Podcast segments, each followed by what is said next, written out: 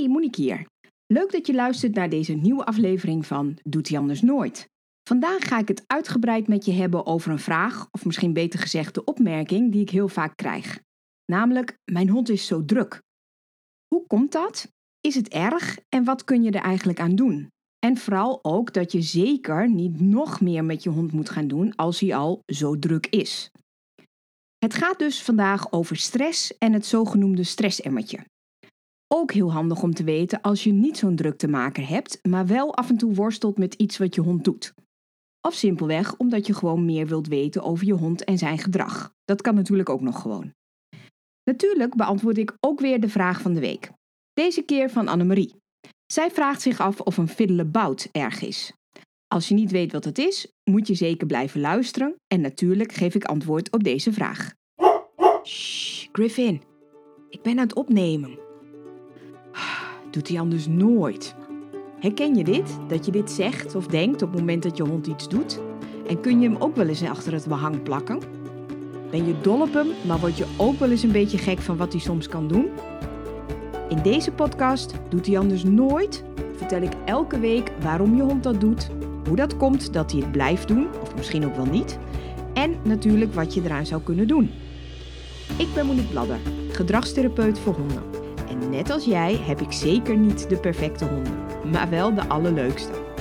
Ondanks dat ze soms dingen doen die ze anders nooit zouden doen. Sibyl is een Mechels herderteefje van 4 jaar oud als haar eigenaresse Madelon mij belt. Madelon zit met haar handen in het haar, want ze heeft vier jaar geleden heel bewust gekozen voor een hond die, zoals ze het zelf zegt, lekker actief is. Waar ze dingen mee kan doen, zoals wandelen, behendigheid en hardlopen, en dat doet ze dan dus ook volop met Sibyl. Maar daar waar Madelon na verloop van tijd op de bank een beetje gaat uitpuffen, blijft Sibyl maar doorgaan. Ze blijft in beweging, gaat niet slapen, Ondanks dat het toch het perfecte moment zou zijn, zou je denken, om na zo'n activiteit lekker voldaan uit te rusten. En als het nu alleen bij dat soort momenten zou blijven, zou het nog niet zo erg zijn, verzuchtte Madelon toen ik haar aan de telefoon had. Maar het was inmiddels zo gegroeid dat ze de hele dag achter Madelon de kont aan liep. Ze rustte niet uit, was altijd in de buurt en hield Madelon alleen maar in de gaten. Dus was de vraag van Madelon: help, Het komt veel voor. Zeker bij eigenaren die bovenmatig betrokken zijn en gemotiveerd zijn om leuke dingen met hun hond te doen. Waarschijnlijk mensen zoals jij, want ook die betrokken en gemotiveerde mensen zijn vaak degene die een podcast zoals deze luisteren. Honden die voldoende aangeboden krijgen om, zou je verwachten, een lekker en fijn leven te hebben, waar ze tevreden mee zouden zijn. En hoe kan het dan dat het blijkbaar niet zo is? Want van zo'n tevreden en voldane hond zou je verwachten dat hij ook lekker uitrust. Van een hond zoals Sibyl, met een fijne, betrokken en actieve eigenaar, zou je verwachten dat ze uh, lekker gaat uitrusten nadat er van die leuke activiteiten geweest zijn. En toch was dat niet zo en dat blijkt een probleem te zijn wat best wel heel vaak in de praktijk voorkomt. En meestal ligt het probleem bij stress. En nee, nee, nu niet gelijk afhaken omdat je misschien denkt dat jouw hond geen stress heeft. Stress is namelijk iets anders dan angst of bang zijn of iets anders negatiefs dat je misschien koppelt aan stress. Het woord heeft een verkeerde betekenis of misschien wel reputatie gekregen. Om maar niet te zeggen dat het eigenlijk gewoon verkeerd gebruikt wordt over het algemeen. Want daar zit heel vaak de crux. Wij hebben als mensen heel vaak negatieve associaties met stress. Als wij het erover hebben dat we stress hebben, als mensen zijnde, dan hebben we het nooit over iets positiefs. We hebben het dan over dingen die vervelend zijn, die naar zijn. We maken ons zorgen, we zijn bang, we zijn druk. In elk geval is stress in onze taal over het algemeen niet iets waar je naar uitziet of niet iets wat leuk is. En daar maken we bij honden een denkfout. Niet alleen bij honden trouwens, dus ook gewoon bij mensen. Want wat ik je vertel over stress, Geldt niet alleen voor honden, maar ook voor mensen. En katten en konijnen en paarden en nou ja, je snapt wel wat ik bedoel, denk ik. Maar stress is helemaal niet iets dat tussen de oren zit. Stress is geen emotie. En als je nu denkt, huh, emoties, hoe zit dat ook alweer? Luister dan even naar de vorige aflevering van Doet hij anders nooit. Maar stress is een mogelijk gevolg van een emotie. Stress wordt hoogstwaarschijnlijk veroorzaakt door angst of door boosheid of door frustratie, maar kan ook bijvoorbeeld veroorzaakt worden door spel, door leuke dingen. Hoe dat werkt, dat zal ik je uitleggen. Mijn uitleg begint bij het bekijken van wat stress nu eigenlijk is. Hoe tenminste er wetenschappelijk tegen aangekeken wordt. Stress is eigenlijk een mechanisme om het lichaam weer terug te brengen in balans. En eerlijk is heerlijk, ik heb een beetje een hekel aan dat woord omdat het in allerlei verschillende contexten gebruikt wordt. Maar in dit geval is het echt wat het is. Het dure woord daarvoor is homeostase. Het lichaam is om welke reden dan ook uit balans en functioneert niet optimaal.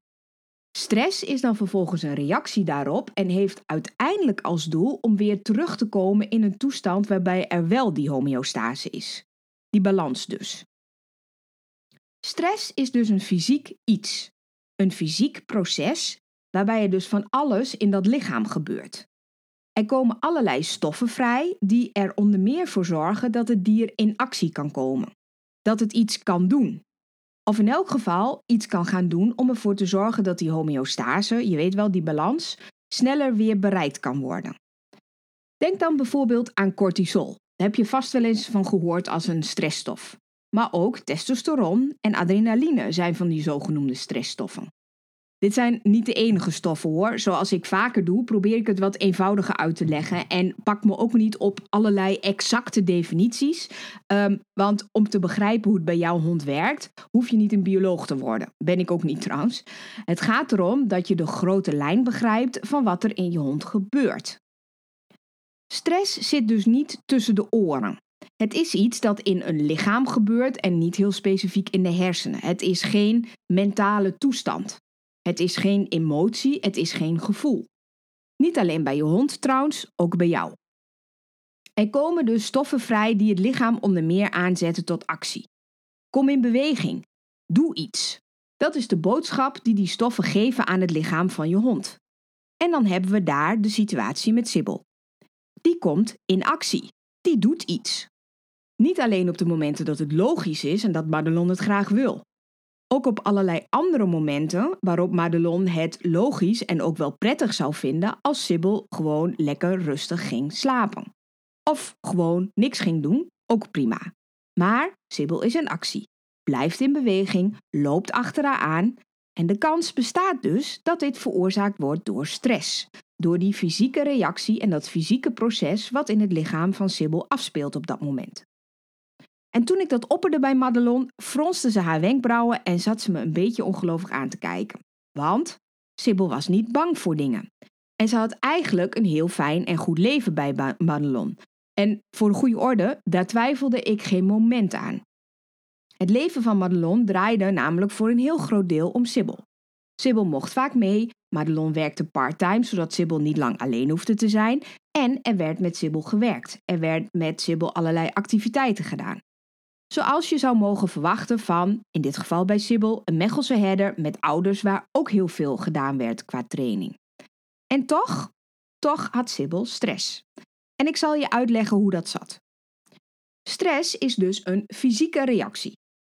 En omdat we zo in ons hoofd hebben dat stress negatief is, denken we dan ook vaak aan negatieve emoties die die stress kunnen veroorzaken.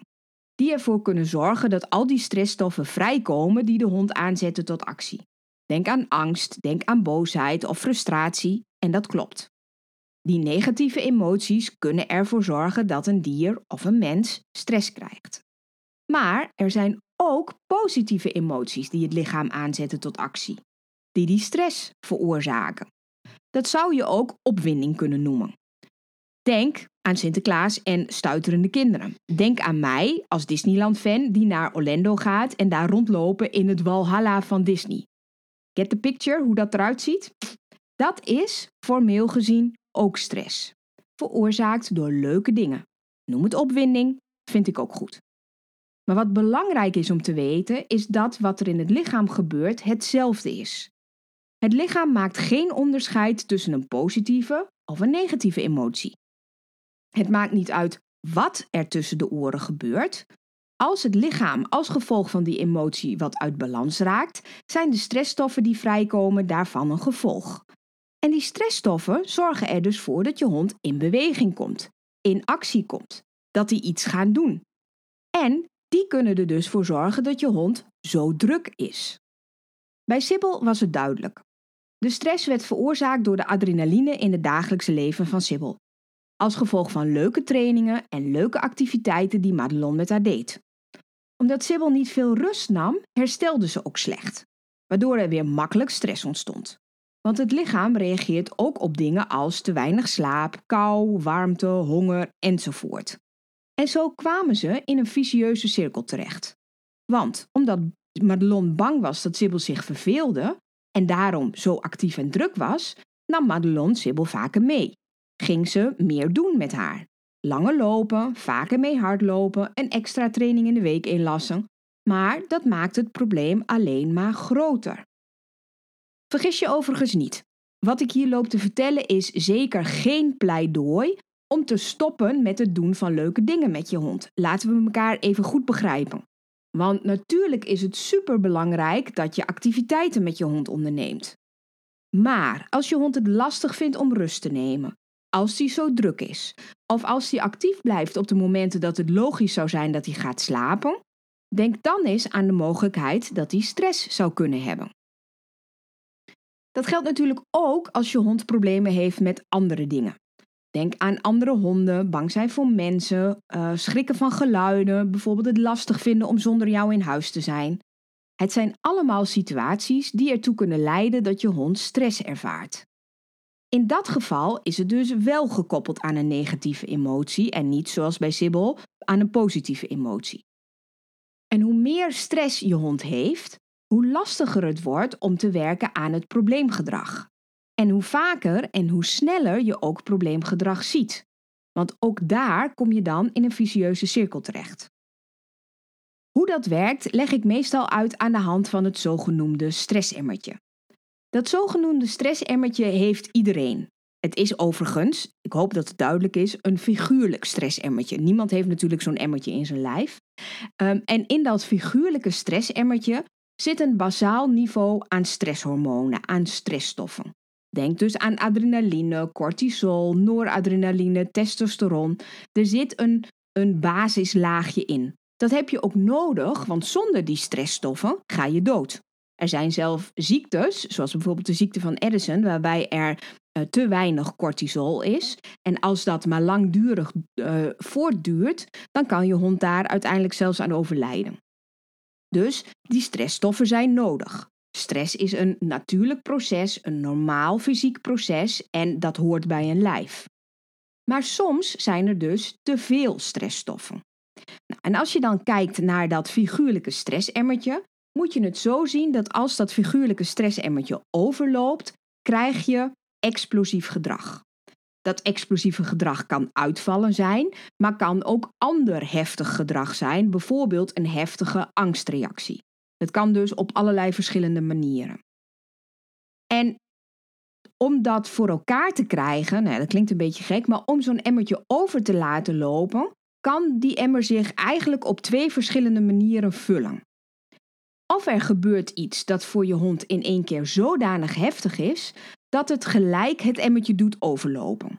Bijvoorbeeld als je hond heel erg schrikt van een hard geluid en plotseling weg probeert te kruipen.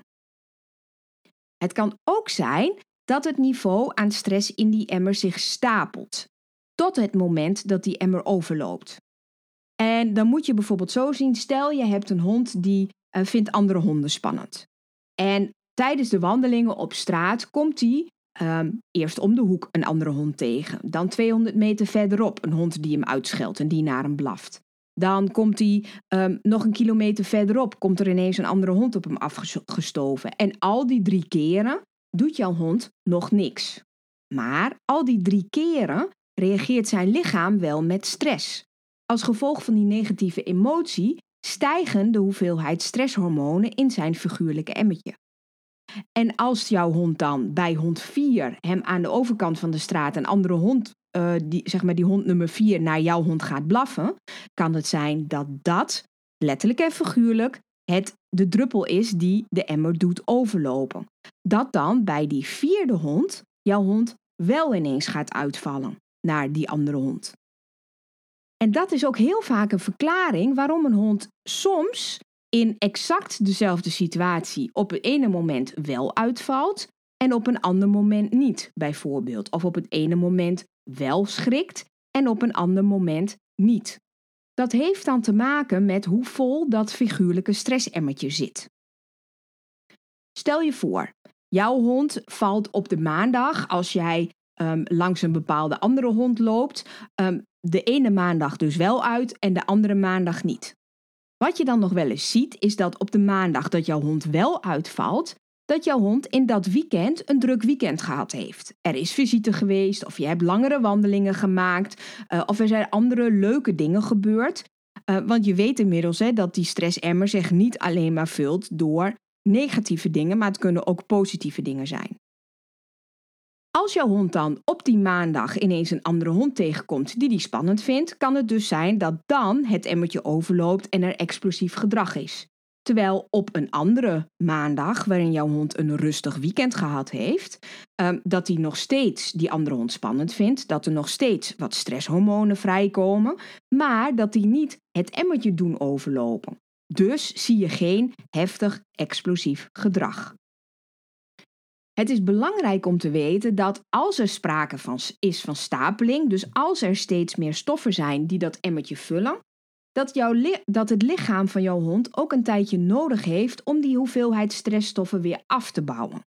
We weten bijvoorbeeld van cortisol dat het 5 tot 8 uur kan duren na blootgesteld te zijn aan een prikkel, voordat het level aan stresshormonen weer terug is naar het niveau daarvoor. Ook hiervoor geldt overigens, net zoals wat ik eerder al zei, um, ik gebruik deze analogieën om jou wat uit te leggen. Uh, pin me dus niet vast op de hele exacte details. Het gaat erom dat je meer begrip krijgt hoe dat in grote lijnen in het lijf van zo'n hond werkt. Dus als jouw hond meerdere keren op een dag iets meemaakt wat hem stress geeft, wat ervoor zorgt dat er stresshormonen vrijkomen, heeft hij ook langer nodig om weer bij te komen. Denk weer terug aan die hond die op straat elke keer een andere hond tegenkomt. Elke keer dat hij een andere hond ziet en hij vindt dus die andere hond spannend, stijgt het level aan stresshormonen en dan nog een keertje en dan nog een keertje en dan heeft jouw hond dus drie keer 5 tot 8 uur nodig om de hoeveelheid cortisol weer af te bouwen wat hij in die wandeling heeft opgebouwd. Als jouw hond geen problemen heeft met andere honden, is dit dus niet aan de hand. Maar het kan dus zijn dat het in jouw geval met, uh, bij andere gedragsdingen van jouw hond een rol speelt. Hoeft niet, kan. Nou, en dat verhaal van die stapeling was dus ook het geval bij Sibyl van Madelon. Er werd elke dag wel iets gedaan, en in haar geval iets leuks, waardoor er cortisol vrijkwam. Weliswaar dus door hele leuke dingen, maar het lichaam van Sibyl werd continu aangezet tot actie. Haar emmertje zat continu vol. Dus het allereerste wat Madelon moest doen, was het afbouwen van de hoeveelheid activiteiten en ervoor zorgen dat Sibyl meer ging slapen. Bij het afbouwen is het overigens erg belangrijk dat je zo'n hond als Sibyl niet ineens helemaal stil legt. Dan krijg je een hond die niet weet waar ze met zichzelf aan moet en vliegt ze tegen de muren op. Verminder elke dag de hoeveelheid lichamelijke activiteit bijvoorbeeld en vervang het door iets anders wat stressstoffen helpt afbouwen in plaats van opbouwen. In het geval van Sibyl betekende dat dat ze een lange wandeling elke dag met 5 minuten korter maakte. Dus van elke dag 3,5 uur wandelen ging ze in drie weken tijd naar ongeveer elke dag anderhalf uur een lange wandeling en drie keer per dag een plas- en poeprondje.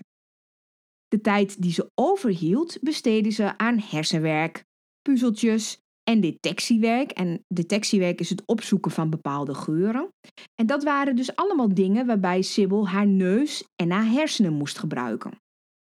Op die manier hielp Madelon haar met het afbouwen van de stress.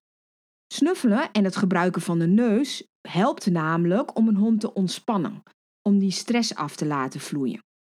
En dat was ook de reden waarom Madelon zogenoemde snuffelwandelingen ging maken, waarbij niet het doel was om een bepaalde afstand af te leggen, maar het doel werd om zo langzaam mogelijk te lopen, waarbij Sibyl zoveel mogelijk in haar omgeving kon snuffelen.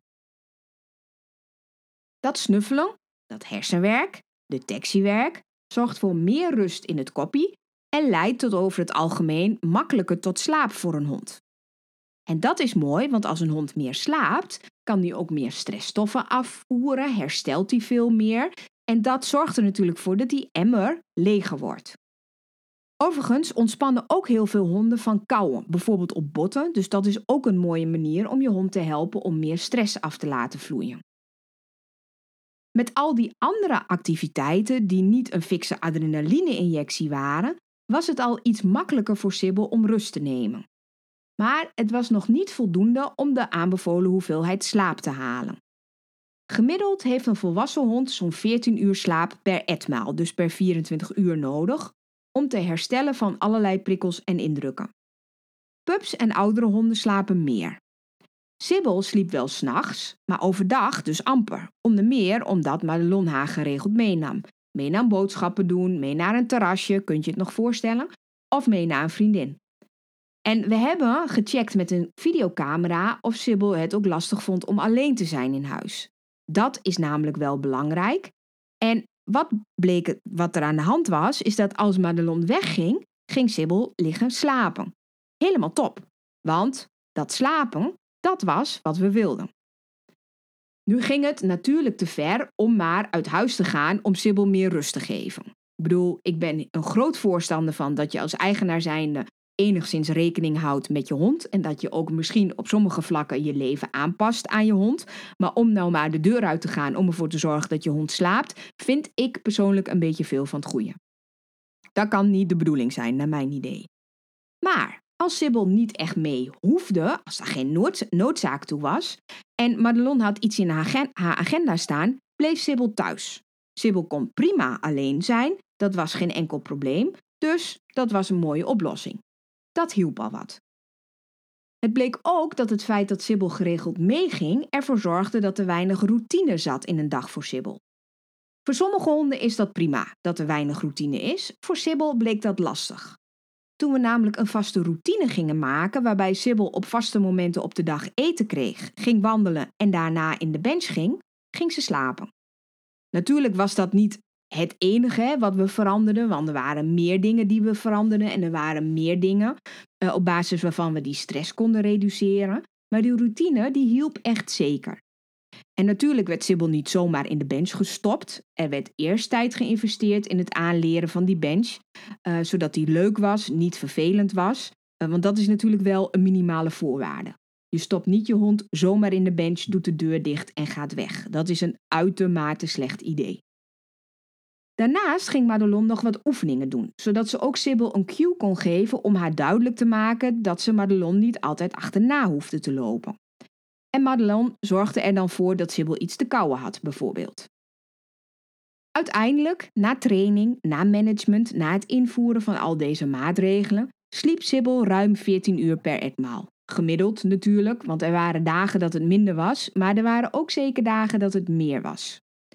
En het uiteindelijke resultaat was verbluffend. Sibyl was nog steeds actief. Ze werd echt niet een ingeslapen oud hondje, dat was ze ook niet. En dat was natuurlijk ook niet wat Madelon wilde. Maar na activiteiten kon ze lekker voldaan gaan slapen en was ze niet hyper de pieper meer. Ze was niet meer druk en ze was niet overactief. En als ze dat wel was, want dat kwam heel soms kwam dat nog voor, wist Madelon waar dat van kwam en kon ze daar eventueel het een en ander op aanpassen. Nu is natuurlijk niet elke hond die druk is hetzelfde als Sibyl. En niet alles wat ik hier vertel over Sibyl zal werken voor jouw hond. Het kan ook zijn dat de stress een andere oorzaak heeft, zoals bijvoorbeeld angst voor bepaalde geluiden, of omdat een hond gecorrigeerd wordt. Dat kan ook. Dan zijn er weer andere dingen die je zou moeten doen om je hond te helpen. Maar in het algemeen is het belangrijk om na te denken over wat het stressemmertje van je hond vult. En daar dan vervolgens iets aan proberen te doen, door te kijken of je die emotie kunt veranderen. Of door te proberen of je iets aan de stress in het algemeen kunt doen. Door je hond meer te laten slapen of te kiezen voor andere activiteiten, zoals snuffelen, neuswerk, detectiewerk en laten kauwen als je hond dat fijn vindt. Meer inzicht van jou als eigenaar is dan dus vaak belangrijk. Realiseer je wel, als de stress veroorzaakt wordt door bijvoorbeeld angst voor geluiden of een reactie op andere honden op straat, dan los je met meer slaap en met meer neuswerk natuurlijk niet het probleem op.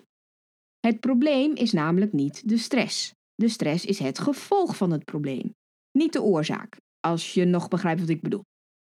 Maar je kunt makkelijker en beter werken aan de kern van het probleem als er minder stress is. Als die stressemmer altijd chockvol is, is het leren lastiger. Niet onmogelijk, maar wel lastiger. En daarom is het verminderen van stress vaak een onderdeel van het werken aan een oplossing.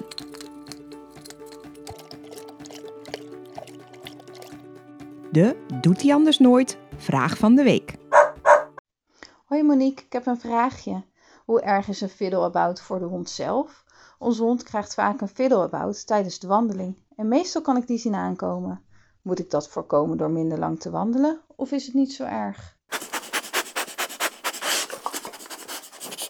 Laat ik eerst even uitleggen wat een fiddlebout is. Een fiddlebout wordt ook wel eens de gekke vijf minuten genoemd en is iets wat je uh, bijvoorbeeld heel vaak ook bij puppies ziet.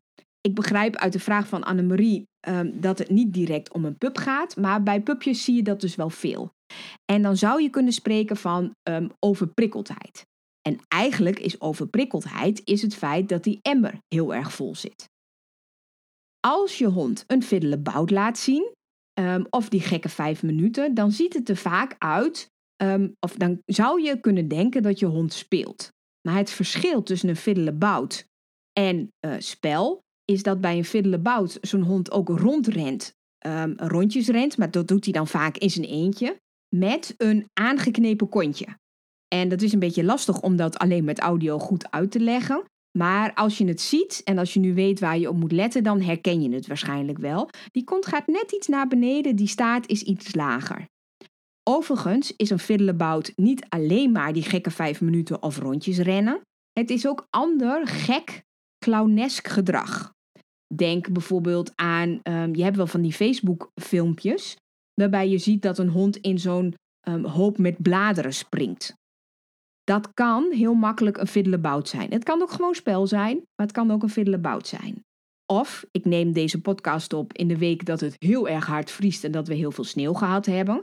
Je ziet nu heel veel honden echt ook eh, die sneeuw induiken en daar gek en raar doen. Ook dat kan een fiddlebout zijn.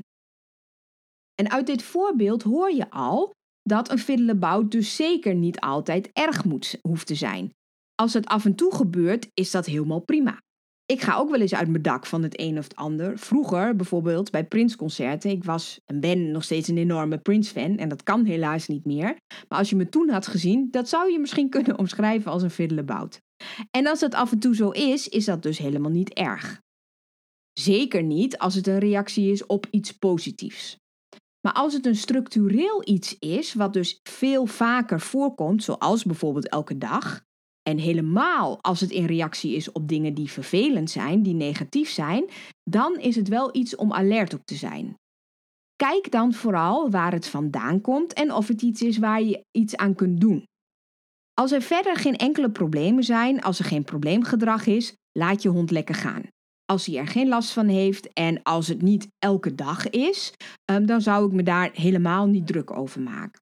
Zijn er wel andere gedragsproblemen of probleemgedrag, kijk maar hoe je het noemt, um, dan is het wel goed om hier wat kritischer naar te kijken, want het kan wel een aanwijzing zijn dat dat emmertje van je hond behoorlijk vol zit. En dan is het wel handig om ook die emmer te proberen verder te legen, zodat je uiteindelijk ook makkelijker iets met het probleemgedrag kunt. Als jouw hond dus het elke keer tijdens de wandeling doet, en er zijn andere problemen, dan zou je kunnen kijken wat er gebeurt als je wat korter wandelt, als je op een andere plek gaat wandelen, um, als je bepaalde prikkels die het uitlokt, als je die zou kunnen ontwijken. Um, en als er al een fiddlebout is, en dat geldt eigenlijk altijd, als je hond al in een fiddlebout schiet tussen haakjes, laat het vooral lekker gaan. Maak je daar niet druk over, zolang het qua veiligheid kan natuurlijk. Als je hond de weg op dreigt te rennen, dan wordt het een ander verhaal. Maar als het er al is en er kan geen schade ontstaan, laat het lekker gaan. In deze aflevering heb ik je wat meer informatie gegeven over wat stress is en waardoor het kan ontstaan. En ik heb je ook uitgelegd wat het niet is. En ik hoop dat je begrijpt dat stress meestal niet het probleem is, maar het gevolg van iets anders dat er gebeurt. Meestal een onderliggende emotie, soms als jouw hond fysiek iets voelt. Het kan zijn dat er te veel leuke dingen gebeuren in het leven van de hond, zoals in het geval van Sibyl en Madelon.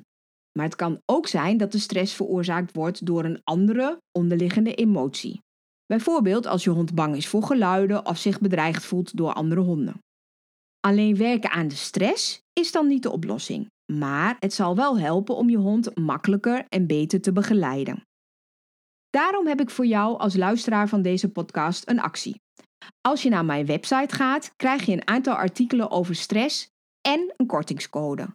Met die code krijg je ruim 25% korting op mijn online cursus over hoe je de stress van je hond kunt verminderen. Dan betaal je slechts 20 euro voor meer dan 40 video's. Wil je meer, hierover meer weten? Ga dan naar moniquebladder.nl slash doet hij anders nooit, gewoon helemaal aan elkaar, streepje 5. Bedankt dat je hebt geluisterd naar Doet hij anders nooit. Ik hoop dat ik jou en je hond wat verder heb geholpen. Wil je geen enkele Doet hij anders nooit missen? Abonneer je dan op mijn podcast en nog beter, laat een review achter. Zou ik super blij mee zijn. Wil je dat ik jouw vraag ook beantwoord in deze podcast? Mail dan naar contact@moniquebladder.nl. Tot volgende week.